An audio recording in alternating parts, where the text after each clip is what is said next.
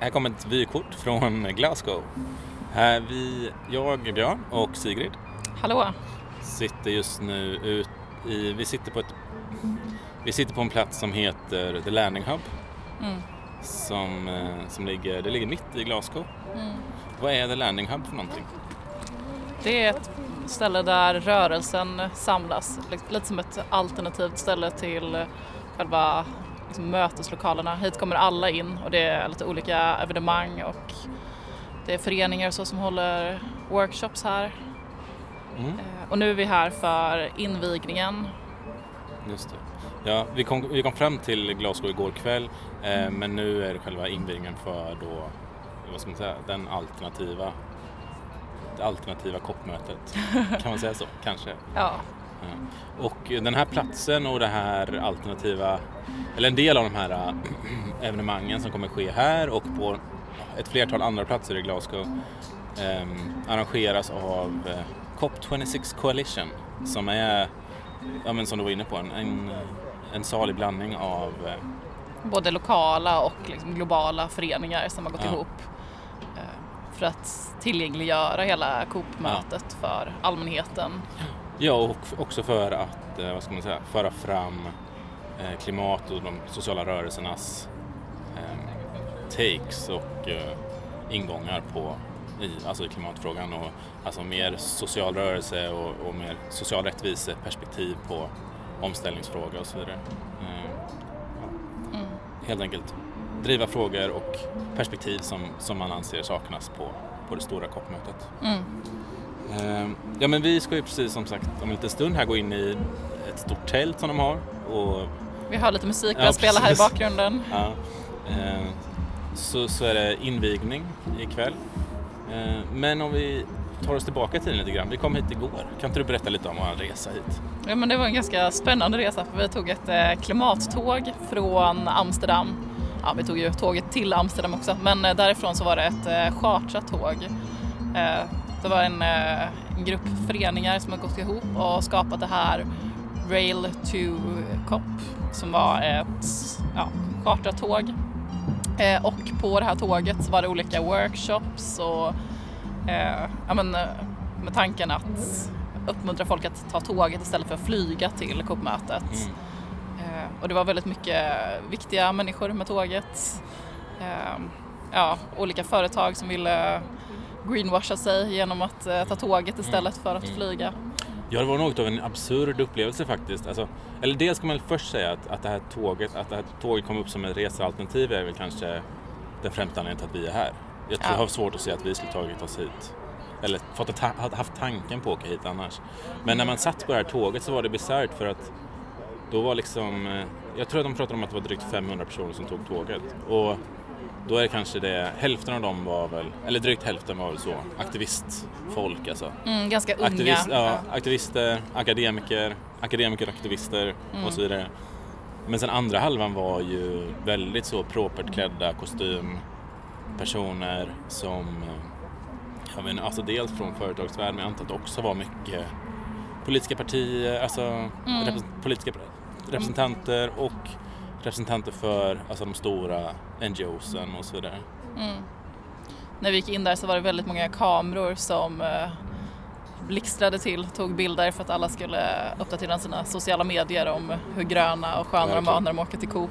Ja, verkligen. Alltså det var, ja, det, är ju, det var ett märkligt, eller ett bra projekt på ett, alltså, det, ja, bra, men, men det var ju som att man deltog i ett greenwash-projekt på ett sätt som man Ja. inte har varit innan. Det var lite märkligt. Men, vi fick eh, billiga biljetter och vi fick Ja. lite gratis mat. Ja, ja precis. Så det var, en, en, det var ju trevligt på det sättet. Jag vet inte. Alltså man kan väl säga också någonting om att det har varit extremt mycket medial uppmärksamhet, uppmärksamhet kring det här tåget. Ehm, I eh, Amsterdam som sagt så var det mycket tv och sånt som var där. Ehm, det stannade också till i Rotterdam och i Bryssel. Jag vet att i Bryssel så stod, höll också, om det var vice ordförande för EU, alltså, eh, och hade hållit ett tal på perrongen strax innan de, tåget rullade in.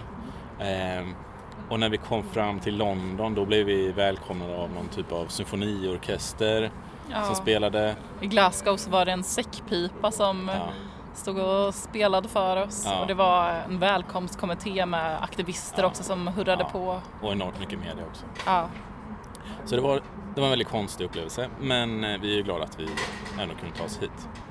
ja, och så pass billigt. Ja, verkligen. Ehm, nu när vi kommit hit då så... Jag vet, du Sigrid har ju inför det här, det kommer väl pub- publiceras idag tror jag, varit med i en eh, intervju i Sydsvenskan där du också blev, fick den här frågan, men jag tänkte ställa den till dig ändå. Ja. Vad har du för förväntningar på mötet? Eller Eh, vad har du för förväntningar på att vara här kanske snarare? Alltså Ja, men, dels eh, mötet men också... Ja, alltså mina förväntningar på själva mötet är ju extremt låga. Alltså det här är ju 26 mötet i raden och än så länge så har de inte kommit fram till någonting som egentligen har någon större betydelse. Så ja, mina förväntningar är väl att det kommer vara extremt mycket greenwashing och eh, företag som försöker propagera sig som gröna och har massa lobbyister här för att försöka påverka politikerna. Mm. Eh, Men eh, ja, den lite mer positiva sidan är väl att jag har ganska höga förhoppningar på att rörelsen kommer kunna mobilisera stort och kanske framför allt då den eh, sjätte, alltså nej, till helgen På lördagen på ja. lördag så kommer det vara en eh, global eh, aktionsdag.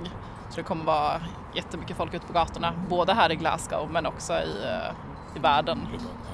Och dagen innan där har vi också en fredagsstrejk. Jag tänker att den, i alla fall här då, kommer vara förhoppningsvis stor. Eh, Ja, Greta är här så jag Greta tänker att det kommer precis. vara mycket folk. Ja, vi har det bästa dragplåstret. Ja. Eh, Vad har ja. du för förväntningar då? Nej men jag det, alltså det är klart man delar ju den här, alltså, vad ska man säga, ja men totala uppgivenheten kring att själva COP-mötet ska leverera någonting revolutionärt eller liksom något som, som radikalt förändrar eh, situationen vi är i och förutsättningarna för fortsatt eh, exploatering av, av eh, eh, människor och, och eh, miljö. Eh, men om jag ska vara helt ärlig så har jag också lite dålig koll på vad, alltså om det är några specifika frågor eller specifika perspektiv som har eh, vad ska man säga, färgat uppladdningen inför det här mötet. Jag har inte Mm. koll på eh, vilka områden de kommer diskutera utan det är ju bara en sån generell, eh, vad ska man säga, sk- skepticism man har inför COP-mötena, tyvärr. Ja. Eh, men jag delar verkligen den här ehm, eh, optimismen kring att få hoppas se eh, hur sociala rörelser har, eller hur klimatrörelsen kanske då har lyckats mobilisera inför de här två veckorna. Inför de olika, jag tänker att det kommer ske massa olika aktioner. Extinction Rebellion till exempel är jättestora i, i Storbritannien så jag tänker att de kanske gör massa Mm. Ehm, och den stora, de, ja men eh, bara ett generellt återuppvaknande från eh, det här eh, sov, sovande pandemitillståndet är jag Mm. väldigt peppad på. Verkligen. Eh. Ehm, och sen är jag ju också lite bara nyfiken på hur det är att uppleva ett COP-möte på plats, för det har jag inte gjort innan. Du, du Mm. var väl på, du var väl i Paris va? Ja, det var jag. 2015, 16. Ja, min känsla är att det kommer vara väldigt annorlunda. Eller att det är mycket mer stängt i år. Det har också blivit jättemycket kritik nu inför det här kuppmötet att det är stängt för stora delar av världen eh, på grund av alla covid-test och så och restriktioner som, som är kring det här mötet. Eh, så jag, jag tror att det kommer att vara ett mer stängt möte än det i Paris. Mm. Men eh, ja, Just det.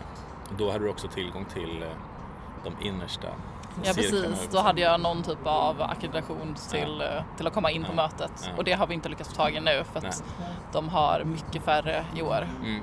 Ja precis, det, har det- varit en, det kan man säga, alltså det kommer vi säkert komma tillbaka till senare när vi pratar om mötet men det känns som en väldigt central återkommande fråga Mm. eh, kring det här med akkrediteringar och vilka som har möjlighet att vara här och vilka som inte har det. Ja, vems röst som blir lyssnad på. Mm.